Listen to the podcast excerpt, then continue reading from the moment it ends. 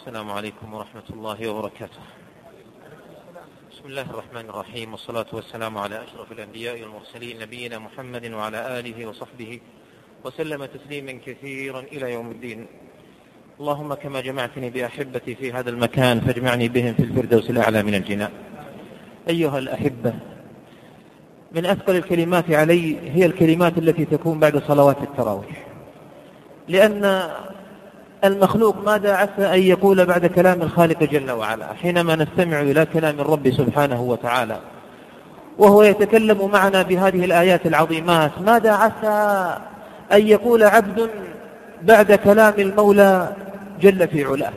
ولكن حديثي عن كيفية سماعنا لهذا القرآن وحسب أن يكون الحديث عن هذا الموضوع. إنا نأتي إلى الصلوات أحبتي هذا. ثم يدخل الواحد منا في صلاته يكبر الله أكبر ويبدأ في استماع كلام الله.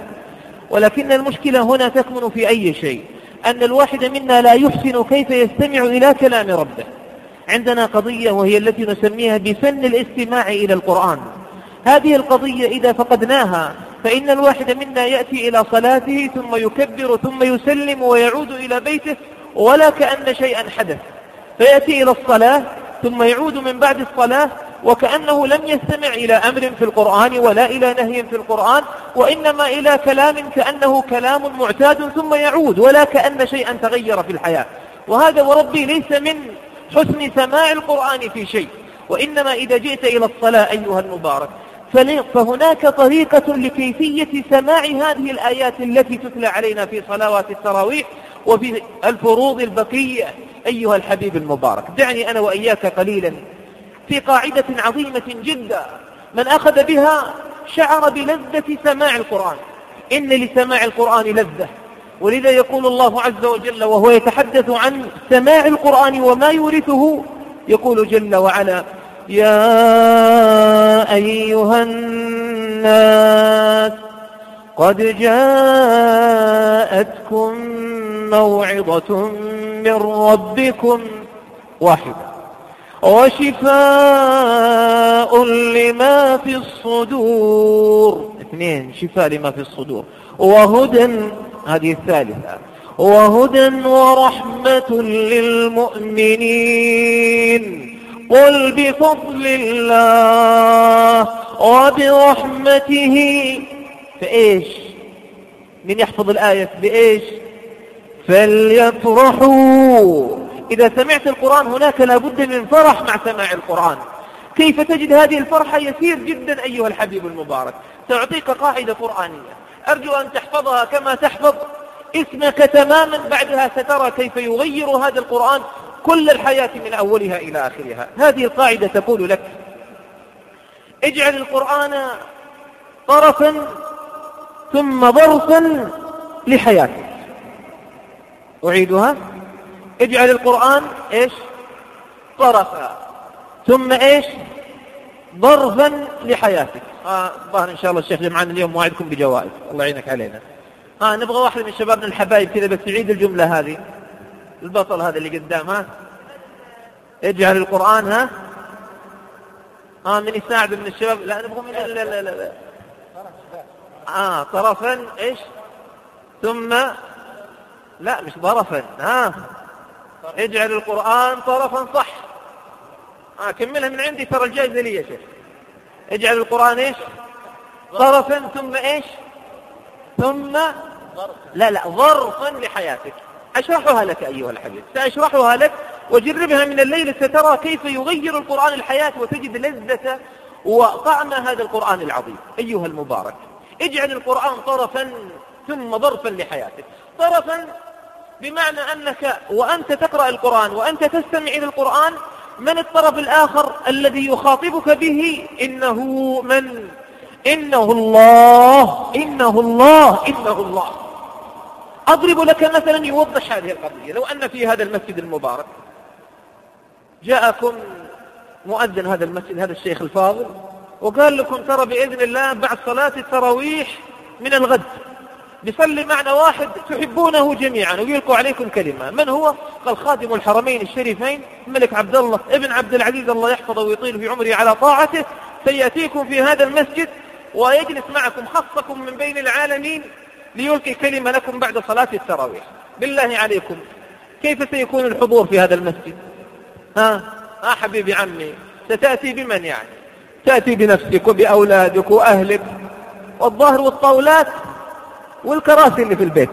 يعني الواحد طبيعي الملك جاي وخاصة في المسجد كل واحد منا بيجي يشوف الملك جاي ليش؟ ويتكلم في أي ماذا ويمكن يكون في أشياء توزع وهدايا. يعني الملك جاي.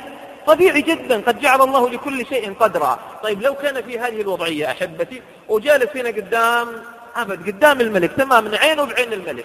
والملك جالس يتحدث هنا وقاعد اللي قدامه هذا مرة يقول بشماغ كذا ومرة يقول في ثوبه كذا. ومرة يحط يده كذا ومرة يفتح الموية يقعد يلعب في الغطاء ومرة قاعد يحك إذنه ومرة قاعد يلعب بنظارته. إيش تقولوا له؟ أول ما يقول له شيخنا هذا اللي يعلمنا إنه الملك بيجينا إيش بيقول له؟ يقول له عيب عليك قوم ارجع ورا في أنا فضحتنا روح هناك مو كذا تجلس قدام الملك. عيب يا رجل. عيب. عيب تستمع للملك بهذه الطريقة ما يصلح. وهذا حق. لكن تعالوا أحبتي من الذي يتحدث الآن معنا في كل ليلة؟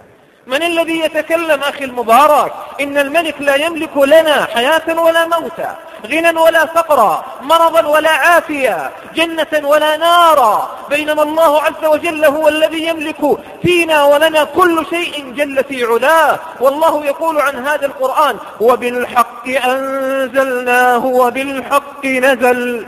هذا القرآن لم ينزل لعبا ولا هو. لم ينزل من أجل أن نأتي إلى الصلاة ونغفل. يكبر الإيمان. ألف لام مين ثم لا ندري ماذا بعد ألف لام مين ألف لام را. ثم لا ندري ما بعد ألف لام را. حامين ثم لا ندري ما بعدها. أبدا أحبتي. وبالحق أنزلناه وبالحق نزل. وما أرسلناك إلا مبشرا ونذيرا. ثم يقول سبحانه وقرآنا فرقناه. إيش فرقناه؟ فرقناه ما نتحمل أن ينزل القرآن علينا جملة واحدة. فرقناه كيف؟ ولماذا؟ قال الله سبحانه وتعالى وقرآنا فرقناه لتقرأه على الناس. على مكت إيش على مكت يعني إيش؟ شوية شوي. ولذا قال بعدها ونزلناه تنزيلا. قل آمنوا به. صدقوا واسمعوا القرآن كما يريد الذي أنزل القرآن. أو لا تؤمنوا. آمنوا به أو لا تؤمنوا. لن يضر الله إعراضنا ولن ينفع الله إقبالنا وإنما النفع والضر علينا.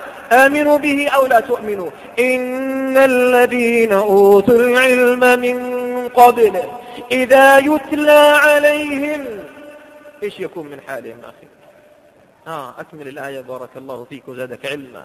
يخرون للأذقان سجدا ويقولون سبحان ربنا إن كان وعد ربنا لمفعولا ويخرون للأذقان يبكون ويزيدهم إيش؟ خشوعا. أخي المبارك إذا جئت فاستمعت إلى القرآن هناك قضية. إذا زدت إيمانا مع القرآن زدت صلاح مع القرآن فأبشر فأنت من أهل القرآن وأحسنت كيف تستمع إلى القرآن. إذا رجعت كما جئت فعندئذ هناك خطأ كبير في سماعنا للقرآن. ولذا الله عز وجل يقول في الآية الأخرى وإذا ما أنزلت سورة فمنهم من يقول أيكم أي واحد خالد حسن حسين عبد الله عبد الرحمن أيكم زادته هذه إيمانا؟ من اللي يوم جاي يصلي التراويح هنا استمع إلى سورة الأعراف لما رجع إلى بيته زاد إيمانا. من من الرجال؟ من من النساء؟ من من الصغار؟ من من الكبار؟ خديجة فاطمة عائشة جاءت تصلي هنا في المسجد. لما استمعت إلى القرآن كانت على حال فغيرت إلى حال أفضل لأن القرآن خاطبها. أيكم زادته هذه إيمانا قال الله إيش؟ فأما الذين آمنوا وأنتم بإذن الله كلكم منهم. فإيش؟ فزادتهم إيمانا. مباشرة زاد الإيمان أحبتي هنا. ولذلك كيف يحصل هذا؟ زيادة الإيمان بالشيء الآخر. اجعل القرآن ظرفا. ظرفا فهمناه ها؟ يخاطبنا الله. نعم ماذا يعني أن يخاطبنا الله؟ الواحد منا لما يزعل على المديرة في مؤسسة أو شركة أو في مدرسة أو في أي شيء ويجيه زعلان زعلان زعلان يعني مأتش إلى أربعين. تعال يا فلان. تعال. بالله عليكم كيف يروح المدير؟ وكيف يحسب إيش بيقول؟ وكيف يقدم الأعذار ويولمها وكلش حاضر؟ طيب حبيبي هذا مدير يعني إن سوى إن سوى خطب 200 300 ريال. هي القضية جنة ونار. وهذه القضية أخي المبارك يعني كل ما يتعلق بحياة هذا الإنسان بروحه وبدنه وحياته وبعد مماته هذه قضية إيش؟ ضرب ضرب وهو الأهم أحبتي هنا. كيف ضرب؟ هناك عبارة للسلف واسمعوها جيدا أحبتي. يقولون لنا اجعل القرآن مرآة لحياتك. مرآة لحياتك. حد يروح يتزين ويشوف حاله وجهه كذا السلف ماذا يقولون؟ إذا أردت أن تهذب هذه الروح اجعل القرآن مرآة لحياتك. أي شيء في حياتك اجعل القرآن هو الذي الآن تعرض نفسك أنت على القرآن. أضرب لك بعض الأمثلة حتى تفهم معنى الضرس جينا إلى المسجد هنا. الإمام بدأ يقرأ. قرأ مثلا قول الله عز وجل والكاظمين الغيظ والعافين عن الناس. وبينك وبين فلان زعل. متطاق انت وياه لاي سبب من الأسباب. آه في واحد هنا يا حبايبي في واحد هنا زعلان مع واحد من الناس يرفع يده. بنعطيه جائزة. مو نعطيه جائزة عشان زعل لا يعني عشان بس صار جريء ورفع يده. آه. في واحد هنا مسوي هوشة مع أحد. أقسم بالله لو إنكم صادقين نصكم يرفع يدينا. حسبني ما أعرف. كل واحد مخبيها. لكن خلوني أقلها مع حريمكم أقلها يعني. لكن تعالوا معي. يجي هنا الواحد يصلي. فيسمع قول الله عز وجل والكاظمين الغيظ. وبينه وبين فلان مع زوجته مع ولده مع أحد من الناس مع قريبنا مع جيران مع مديرة مع موظف من موظفين أي كان. فجاء يستمع للقرآن يقول له والكاظمين الغيظ. أول ما يستمع هنا خلاص مشى. ما كأن استمع إلى أمر الله أن يكظم غيظه. استمع والعافين عن الناس. ما أثرت فيه. إذا كان كذلك ما جعل القرآن ضرب. إذا كان كذلك ما تعامل مع القرآن كما يريد الذي أنزل القرآن ولكن لما استمع إلى الله يقول له والعافين عن الناس مباشرة أول هو جالس قبل ما يمشي قبل ما يطلع من المسجد يطلع إيش؟ الجوال. يطلع الجوال يطلع الجوال يدور رقم من؟ اللي بينه وبينه مشكلة يدق عليه. السلام عليكم ورحمة الله وبركاته. ذاك سمع صوته طبعا الهوشة حاضرة حية في قلبه إلى الآن. إيش يرد عليه؟ إيش يقول له؟ ها؟ ها؟ إيش تبي؟ ليش متصل خير بعد رمضان؟ تبي هوشة في رمضان؟ الشياطين تربطوا شياطينك ما تربطت؟ خاف الله يا رجل إيش تقول له الكلام؟ يقول لا والله حبيبي لا والله أنا بس كنت اسلم على الإمام فسمعت. الله يقول لي إيش؟ والكاظمين الغيظ والعافين عن الناس والله يحب المحسنين. فأنا جاي أصلح بيني وبينك حبيبي. أبي والله ما يكون بيني وبينك شيء عشان طاعة لله سبحانه وتعالى. يقول له قفل الله أكبر أول مرة تسمع القرآن أنت في حياتك. روح عني بس أكيد وراك مشكلة ولا وراك شيء. تقفل السماعة في وجهه ما قبل منه. قم ترسل له رسالة تكتب له رسالة حبيب قلبي. والله الذي لا إله ما قصدي إلا إنه كذا وكذا وكذا. ترد عليها تقول لعمرك ترسل لي أي شيء. يقوم إيش؟ والله يحب يتابع معه. يوم يومين ثلاثة يقتنع ذاك. انتهت المشكلة تماما في حياته لأنه جعل القرآن حياته. خذ مثال آخر سلمك الله. الله عز وجل تستمع أنت إلى القرآن يقول لك وقولوا للناس حسنا. ولا لا؟ ويقول في الآية الأخرى وقل لعبادي يقول التي هي إيش؟ هي إيش؟ هي أحسن. ما قال حسنى هنا يقول هي التي يقول التي هي أحسن. يعني أحسن ما تملك. كيف معنى هذا نطبقه في حياتنا اليوم يا حبايبي؟ رجال ونساء جالسين أنتم اليوم. كل واحد منا عنده عائلة اللي عنده زوج اللي عنده أم اللي عنده بنت اللي عنده أخت اللي عنده عمة وخالة كلنا كذلك. نخرج نريد أن نطبق هذه الآية في حياتنا. ها؟ طيب شيخ جمعان يعني إذا بغى الواحد يقول أحسن كلمة يجدها في قاموسه. يريد أن ينادي بها ولده. إيش يقول له؟ يا بني آه في واحد منكم يقول يا بني إيش ثقله؟ كان يقول له ولده يا أبتي. تمثيل يا أخي يعني من في شيء واقع في الحياة يا رجل. آه دلع كيف يدلع؟ خلودي يعني كذا؟ آه لا لا يبغى شيء أحسن من كذا. أحسن أحسن يقول لك. يعني واحد من الناس بعض العيال لما يعني يكون شقي شوي أبوه كيف بيناديه كيف تنادي ولدك اذا زعلت عليه. آه. إيه زعلان على ولد كيف بتناديه يا ولد. كذا ولا تقول يا شيطان. طلع الصد. طيب. آه التي هي أحسن؟ يا ولد هل هي التي أحسن؟ لا لا لا اي ولد هذه. الولد هو ولد أصلا. طيب أحسن من يا ولد إيش تقول له؟ ها؟ آه؟ يا إيش تقول له يا شيخنا؟ ها؟ آه؟ يا حبيبي بس ترى ولدك يسمعك اذا كنت ما تقول له أنت ده. طيب العين تقول له يقول لي يا حبيبي. حلوة يا حبيبي. في أحسن منها؟ يا دلع عبد الله يا عبودي. كذا هذا الدلع عندك. يا رجل لا لا مرة كنت في المطار أحبتي فهذا واحد لبناني ولدها مسك شيء كذا وكسرها ما كان يقصد طاحت منه وانكسرت فالمهم الأب يأدب الولد فماسك يضربه مع ظهره من هنا إيش يقول له؟ يقول لك يضرب مع ظهره يقول له يا ابني يا حبي يا نور عيني. هو يضربه. فقلت الحين هذا وانت زعلان عليه تقول له كذا. طيب وإذا كنت راضي بتدلع أجل إيش بتقول له؟ حتى بنفسي قلت ما اعطيه ظهري يضربني الرجال ذا. إي والله. بالضرب يقول يا ابني يا حبي نور عيني. بعض الآباء عندنا إذا بغى يدلع إيش يقول؟ يا صويلح. هذا يعني ده رضا يا صويلح. يا خويلد يا عبيد يا أخي. ها التي أحسن لا. غير كذا غير كذا تماما. دور احسن شيء. أمس في مكان فأقول واحد من الجلوف هذول أقول له إذا بغيت تدلع أم عيالك إيش تقول لها؟ قال أقول لها يا أم فلان. يا أم فلان هذا الدلع. أجل كنت زعلان إيش تقول؟ يا جماعة غير كذا التي هي أحسن غير. غير في الحياة تماما. هكذا تجعل القرآن في كل شيء. يعني خليني أعطيك مثال أخير في هذه القضية. بعض الناس لما يجي بجوالة تلحظ كاتب في الجوال مثلا كاتب الجوال الوالد الله يحفظه كاتب مثلا أمي كاتب زوجته أم فلان أو زوجتي كاتب عياله عبد الله ناصر عبد الرحمن أخي ليست هذه التي هي أحسن. أعجبني واحد من الشباب إيش قال لي؟ قلت له عطني جوالك أمون عليه وراني الجوال. والله كذا كاتب. أول اسم فوق كاتب الملكة. قلت من الملكة؟ قال أمي. قلت والله بطل بطل. قلت والثاني من كاتب الأميرة قال هذه زوجتي. الثالث كاتب الأمير فلان ولده. اللي كذا. لا تقول هذه ما لها معنى ولا تفرح. لا لا أخي حتى أمك والله تفرح. وح... كل يفرح لما تشوف إنك شيء من التقدير وهي ما تضرك أنت كاتبها كاتبها. مرة واحد من الشباب كاتب قمت أنام. قلت مين قمت أنام؟ قال زوجتي. حابستني والله العظيم ما أطلع ولا أروح وجهي إلا لازم بأمرها. فكاتب قمت أنام. يا شباب يا حبايبي لما نجعل القرآن حياة في كل أمورنا تغير الحياة تماما تماما تماما ليس في هذه القضايا فقط في كل شيء.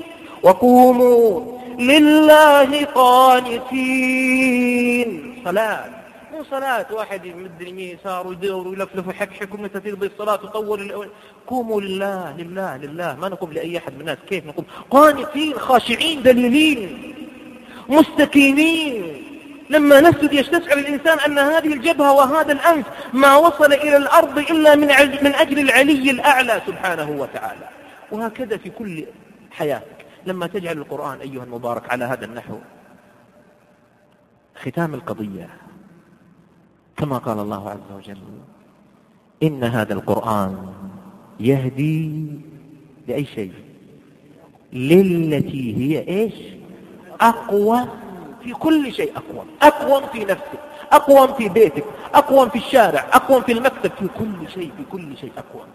ستتغير الحياة كل الحياة للتي هي أجمل وأقوم وأحلى وأحسن وأرضى لله ولعباد الله.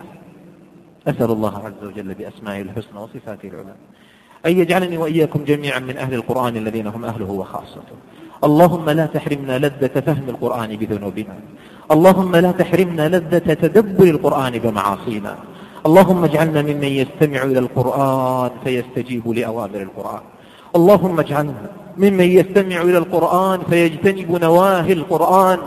اللهم اجعلنا يا كريم يا رحمن ممن نورت قلوبهم وألسنتهم وأسماعهم وأبصارهم بالقرآن. اللهم نور بيوتنا بالقرآن. اللهم نور قبورنا بالقرآن. اللهم نور دنيانا وأخرانا بالقرآن. اللهم ربنا لا إله إلا أنت. أسألك أن تنزل علينا في هذه الساعة في هذا المكان الطيب المبارك رحمة من عندك. اللهم رحمة من عندك. اللهم رحمة من عندك تنقلنا بها من الضلال إلى الهداية ومن الشقاء إلى السعادة ومن النار إلى الجنة. اللهم رحمة من عندك تنقلنا بها من الظلمات إلى النور. اللهم رحمة من عندك ترحم بها عبادك المستضعفين. اللهم عليك بطاغية الشام بشار. اللهم عليك بطاغية الشام بشار. اللهم عليك بطاغية الشام بشار. اللهم أهلكه وأهل وأهلك زمرته يا قوي يا جبار. اللهم أنزل عليهم رجزك وغضبك ومحقك إله الحق. اللهم لا تمتعهم في الدنيا غير ما متعتهم. اللهم اكفنا شرهم بما شئت. اللهم اكفنا شرهم بما شئت. اللهم اكفنا شرهم بما شئت. هم وكل من أراد شرا بإخواننا المسلمين المستضعفين في كل مكان.